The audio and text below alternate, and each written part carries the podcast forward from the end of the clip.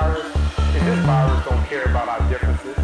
This virus could care less whether we black or white, whether we Christian, Muslim, or Hindu or atheist. This virus don't care whether we're a celebrity or whether we're a regular person, whether we're Republican or we're Democrat.